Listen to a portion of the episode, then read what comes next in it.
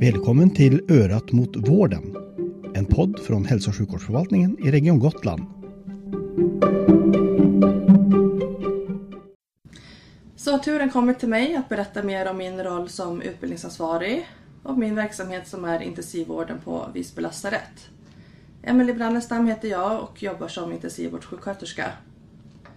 Avsnittet kommer bland annat beröra utmaningen att kunna bibehålla kompetensen i en ständigt föränderlig verksamhet där både patienterna och förutsättningarna ändras över tid.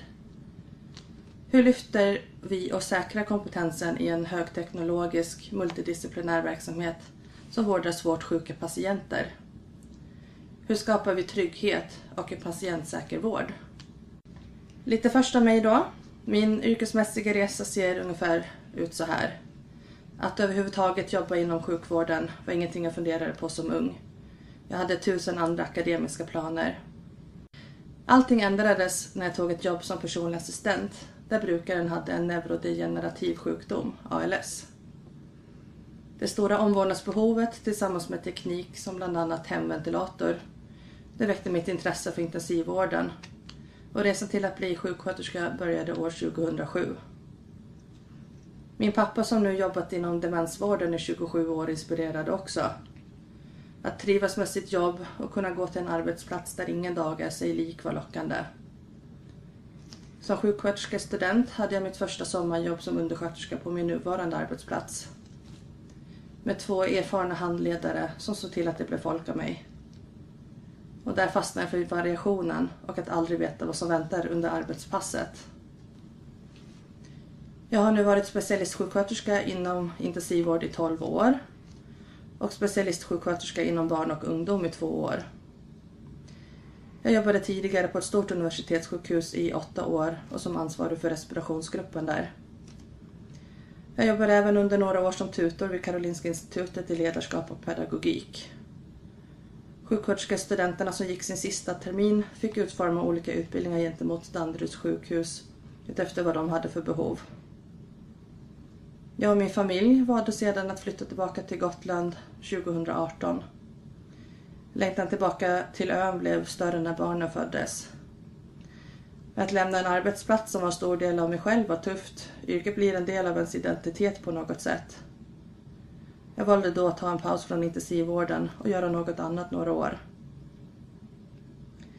Jag jobbade istället på neonatalen och barnavdelningen i två och ett halvt år men blev utlånad till IVA under pandemin. Att en gång fastna för intensivvård och den speciella vårdformen och det nära samarbetet mellan alla yrkesgrupper gör att det är svårt att inte lockas tillbaka. Och jag valde därför att gå tillbaka till den verksamheten igen. Att jobba obekväma arbetstider förutsätter en förstående och stöttande familj. Jag tycker det är viktigt att förmedla till barnen att jag jobbar inte bara för att jag måste, utan för att jag trivs, tycker det fortfarande är roligt och för att jag mår bra av det. Intensivvården behöver ständigt ha beredskap för ett inflöde av patienter. IVA ska aldrig vara fullt utan det ska finnas marginal att snabbt ställa om och ta hand om en svårt sjuk patient eller flera patienter, till exempel vid trauma. En svårt sjuk patient kan innebära att vi behöver vara flera personer som i timmar står och jobbar patientnära. Det kan vara svårt att greppa om man inte har insikt i intensivvården. Vad gör vi egentligen? Och varför behöver det vara personaltätt? Ofta behöver patienterna hjälp med allt, från att kunna andas till att vända sig i sängen. Vi har många tekniska maskiner som understödjer kroppens förlorade eller försvagade funktioner, till exempel andningen eller njurarnas funktion. En respirator är livsviktig för patienter med sviktande andning men maskinen i sig botar inte. Däremot kan den köpa tid tills olika ingrepp gjorts eller behandlingar hunnit verka. Att vårda en patient som är uppkopplad med massa slangar och sladdar till olika maskiner i rummet, där larm skjuter och läkemedelssprutor ska bytas. Där tekniken lätt skulle kunna ta uppmärksamheten, där är ändå vår patient i fokus. Personen, individen, själen som vårdas mitt i maskinparken. Utifrån sina specifika förutsättningar och behov. Vi försöker vara närvarande, se både patient och anhöriga och alltid ha ett risktänkande framöver och en handlingsplan för vad som skulle kunna försämras. Att stå upp för patienten som annars lätt hamnar i underläge. Vad gör vi för patienten och varför? Kommer det finnas en rehabiliteringspotential och hur är chansen för överlevnad kontra lidandet som en fortsatt vårdande ger? Vi har många möjligheter att sätta in nya behandlingar och maskiner men desto viktigare då med ett etiskt tänkande. Bara för att vi kan är det inte säkert att vi ska. Om det inte är till gagn för patienten. Anhöriga är ofta nära och delaktiga i vårdandet. Det här med besökstider har jag aldrig förstått mig på. Anhöriga har en så viktig del i patientens läkande och på IVA är anhöriga välkomna dygnet runt. Att vara patient och anhörig innebär ofta snabba svängningar mellan hopp och sorg fram och tillbaka. Med vetskapen om att alla kan vi inte rädda oavsett, men vi kan minska smärta och lidande den sista stund i livet. Att som anhörig komma in till en svårt sjuk närstående kan vara en chockerande syn. Att se sin mamma, sin make eller sitt barn ligga där med massa slangar och apparater kopplade. Ibland i respirator och utan att kunna förmedla sig. Vi har en uppgift att stötta anhöriga och förklara på ett begripligt sätt hur alla slangar och apparater hjälper deras närstående för att försöka göra situationen mer greppbar för dem. Ibland kan det vara svårt för anhöriga att ens gå in på rummet på grund av rädslan för vilken syn som ska möta dem. Då får vi försöka förklara vad de kommer mötas av, hur det ser ut, vilka apparater som står där, hur övervakning och pumpar kommer låta. Och hjälpa dem att våga gå fram till, prata med sin närstående och kanske hålla en hand. Och att alla känslor och reaktioner är okej. Okay. Vi kan även få fin hjälp av kuratorer och sjukhuskyrkan i sorgearbetet. Jag kan tänka tillbaka på patienter och situationer ibland, men det är inget som längre tynger mig, som jag bär med mig. Att ha ett sånt här yrke innebär också att kunna släppa saker och gå vidare med ödmjukhet, lärdom och en känsla av att man duger och räcker till. Annars hade ingen av oss kunnat hålla särskilt länge. Vi försöker bli bättre på att stanna upp och reflektera, inte bara bita ihop och jobba vidare. Vi står inför utmaningar, sorg, hopp, glädje, motgångar dagligen och jobbet är emotionellt väldigt tufft ibland. Hållbarhet och att få personalen att vilja stanna kvar har vi jobbat mer med under de senaste två åren. Ett arbete som innefattar hur ledarskapet ska se ut, gruppdynamik och bygga rutiner och struktur. Vi är stundvis beroende av vikarier som snabbt ska kunna sätta sig in i verksamheten och lätt kunna hitta olika skrivna rutiner. Varje pass så är vi minst en van ordinarie sjuksköterska och en undersköterska. Där en sjuksköterska har rollen som ledningssjuksköterska med en koordinerande funktion samt är den som går på alla larm på akuten och vårdavdelningar. Mitt uppdrag som utbildningsansvarig för intensivvården innebär ett kontinuerligt arbete för att säkra kompetensen i samarbete med till exempel vår medicinskt-tekniska ansvariga och utbildningsansvariga undersköterska. Jag har haft tjänsten sedan oktober 2022 och jag jobbar administrativt på 20 procent och resterande tid kliniskt. Tjänsten kom till för att få en samordnande funktion med helhetsbild över verksamheten som kan jobba för förändring och se till att planeringen håller. I uppgifterna ingår att planera handledare till vikarier och nya kollegor tillsammans med enhetschef och planerare. Planera för utbildningsdagar, utbildningsmaterial och även ta tillvara på när det får patienter på IVA för att kunna öva till exempel mottagande av patient eller transport. Bidra till kvalitetsutveckling och följa upp resultat. Dokumentera utbildningsinsatser och deltagarlistor för att sedan kunna prioritera olika utbildningar i personalgruppen och veta vem som har gått vad och när. Tjänsten som utbildningsansvarig innebär ett övergripande samordnande ansvar. Identifiera vilka arbetssätt och moment som behöver tränas på och vara bollplank. Men även lyfta kollegorna, få dem att reflektera över sina prestationer, lära sig av det för att utvecklas i sin kommunikation, ledarskap och interprofessionella samarbete. Att se över den pedagogiska utformningen av programmet TILDA, vilket är en kunskapsdatabas över våra olika apparater som ger ett mätbart mål med övningar och frågor som ska bli godkända och utföras en gång per år. Det återstår ett arbete med att aktualisera och omforma Tilda för att motivera kollegorna att använda sig utav det. Trygga de olika yrkesroller vi har på IVA och hjälpa våra ämnesgrupper att logistera och planera sitt arbete och vilka rutiner eller PM som hör till gruppen. Att kunna se vad ämnesgruppen har för behov av utbildning för att sedan kunna vara bäst på sitt område för att kunna driva utvecklingen framåt. Det är en hel del jobb på en scrollprocent, vilket innebär att jag måste ta tillvara på tiden när det är lugnt på IVA och kunna jobba ifatt med olika projekt. Att jobba kliniskt och vara närvarande är dock viktigt för att ha en förståelse för de problem och frågor som uppkommer för att sedan kunna sätta in en åtgärdsplan tillsammans med ledningen. Vad behöver vi utvecklas inom och vad ska prioriteras? Att ha en funktion som kan uppmärksamma och planera för kompetensutveckling i denna typ av verksamhet är viktigt. Intensivvården är den högsta vårdnivån vi har på ön och resurserna måste finnas till för att se till att den verksamheten är välfungerande, säker och hållbar. Det är viktigt att ha förankring i verksamheten, vara uppdaterad, närvarande och fånga upp frågor, svårigheter och önskemål från kollegorna. Att kunna se andra och ha en förståelse för våra olika förutsättningar och skapa ett inlärningsklimat som är tillåtande och roligt.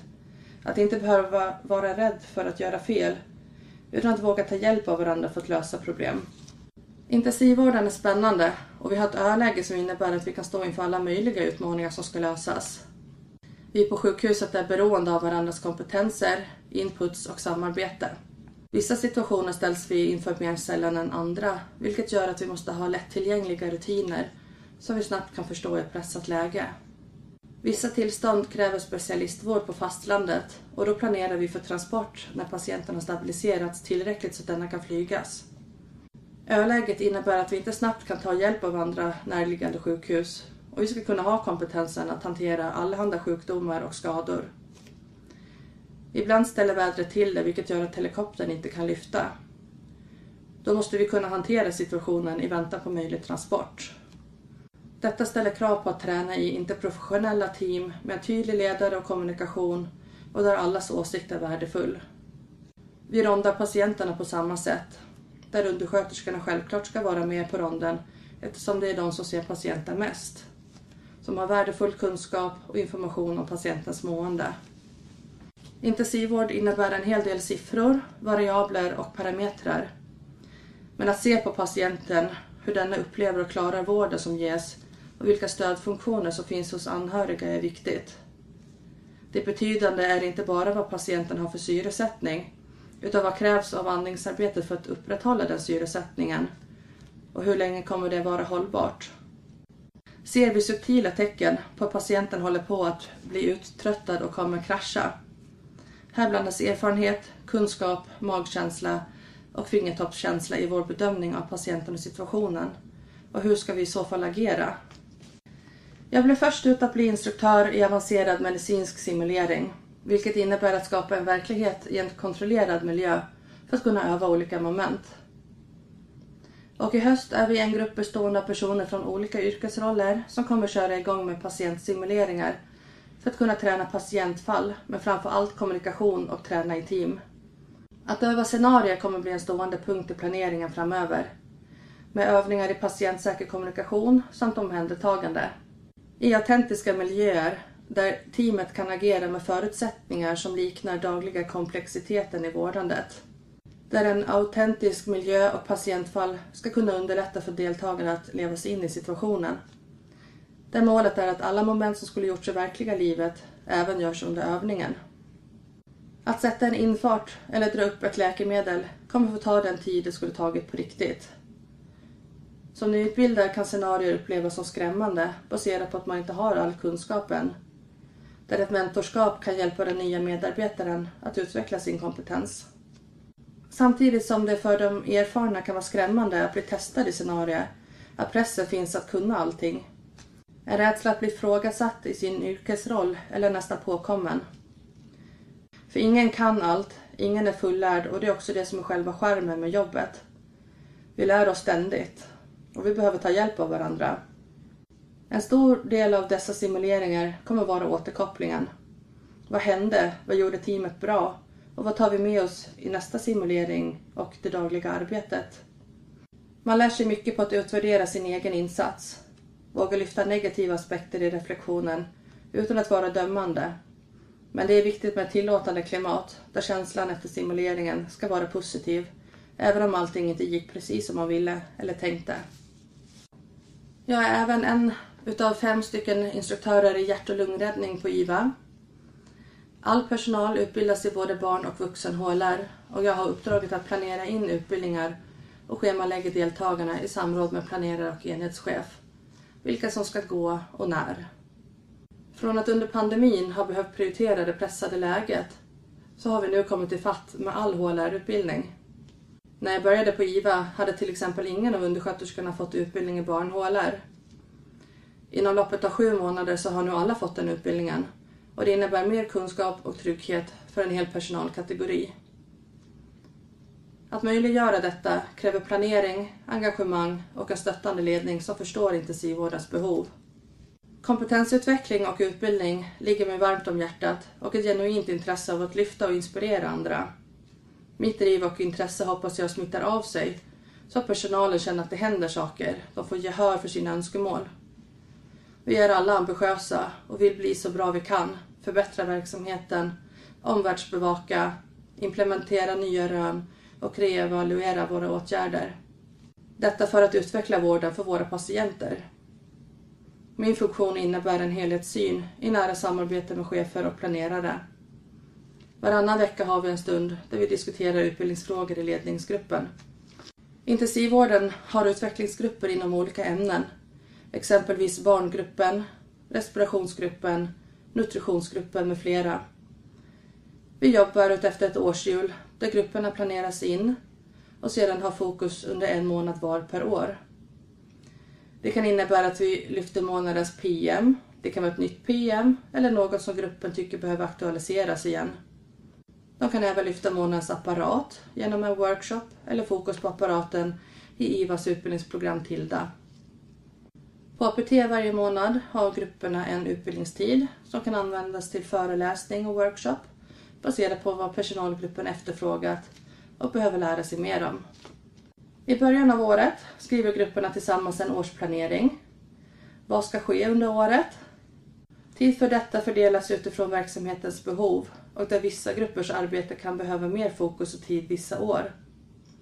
Halvårsvis har grupperna avsatt tid för en halvtidscheck för att se hur de ligger till och vad som återstår under året. I december skriver sedan grupperna en årsberättelse.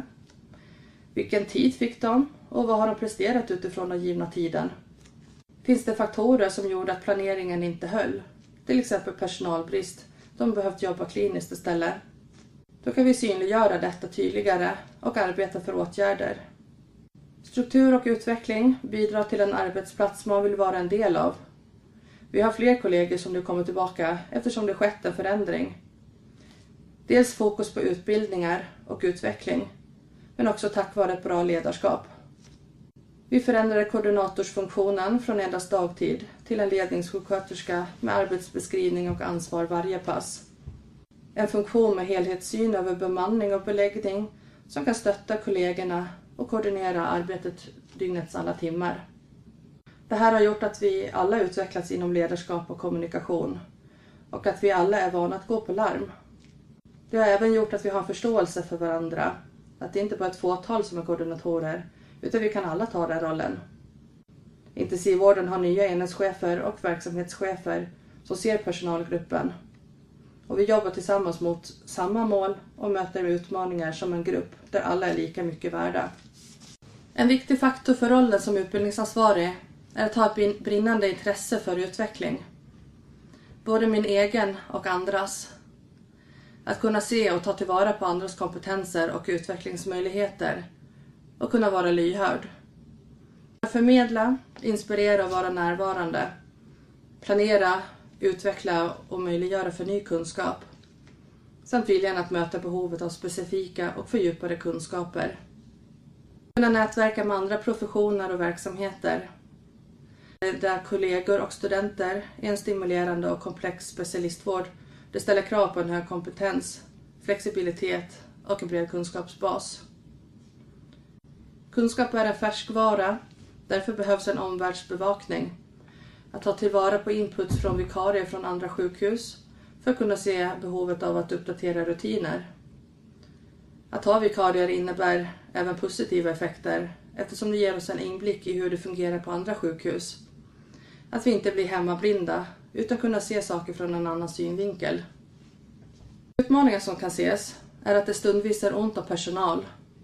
Att kunna hitta tiden i schemat. Men att i god tid få en överblick och planering underlättar.